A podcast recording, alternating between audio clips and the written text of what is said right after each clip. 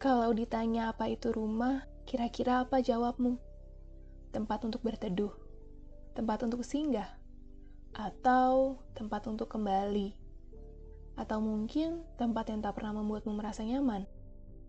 Banyak orang bilang rumah itu tempat untuk pulang saat lelah, sedih, kehilangan arah. Sayangnya, beberapa lupa bahwa rumah juga bisa menjadi tempat kita berteduh saat kita bahagia menikmati keindahan dunia bersama, berbagi kehangatan yang mungkin saja besok bisa tersapu badai ombak. Rumah bukan hanya tempat kita kembali saat kita berada di titik terendah, bukan juga saat kita hanya memiliki seribu satu masalah layaknya benang yang kusut. Rumah bisa menjadi sumber kehangatan, tempat di mana satu kebahagiaan menjadi ribuan tawa lainnya. Tempat di mana satu mimpi bisa membawa banyak perubahan. Rumah juga bisa menjadi banyak hal. Bahkan ada yang merasa bahwa rumah itu penjara tempat yang mengurung kebebasan, membatasi gerak, menghalangi kebahagiaan, memaksakan kehadiran.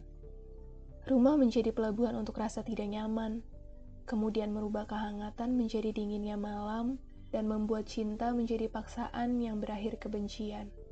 Entahlah, semua orang bebas berasumsi kan? Rumah bisa jadi tempat yang nyaman, tempat yang dihindari, hingga rumah menjadi sesosok orang yang mengandung banyak arti atau bahkan mengandung ribuan hal yang harus dihindari.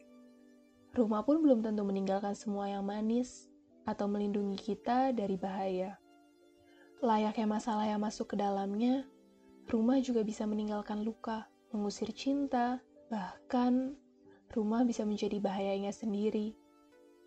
Rumah membuat beberapa terusir, kehilangan arah walau katanya rumah adalah tempat untuk kembali saat kita kehilangan arah.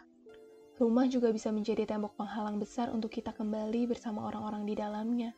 Rumah menjadi kumpulan rasa, tempat untuk melabuhkan rasa sayang, kebahagiaan, keceriaan, dan juga tawa. Rumah juga menjadi tempat pengumpulan rindu, baik orangnya ataupun rasanya. Baik itu rindu karena keceriaannya, atau pertengkaran yang justru malah menimbulkan rasa kosong saat tak beradu mulut. Sayangnya, rumah juga bisa jadi tempat pengumpulan benci, rasa tak ingin kembali, rasa tak ada kenyamanan, rasa bahwa rumah bukanlah rumah. Ada ribuan arti untuk menjelaskan pengertian rumah, dan itu berbeda-beda dari setiap orangnya. Apalagi, rumah tak hanya dihuni oleh satu, kadang penolakan di dalamnya berujung rasa sakit. Kadang terjadi pengusiran yang menimbulkan rindu, kabur yang membuat kehilangan rumah. Kadang kita mengusir mereka yang justru merasa itu rumah, mereka akhirnya pergi dan masuk rumah boneka yang palsu. Atau kadang ada yang kabur dan berhasil membangun fondasi yang kuat untuk rumah barunya, bersama sosok yang lain tentunya. Ataupun ada mereka yang seperti aku, yang merasakan apa itu hirayat. Apakah kamu pernah mendengar apa itu hirayat? Perasaan rindu pada rumah yang tak bisa kita kunjungi lagi, atau perasaan rindu pada seseorang yang tak bisa kita miliki lagi.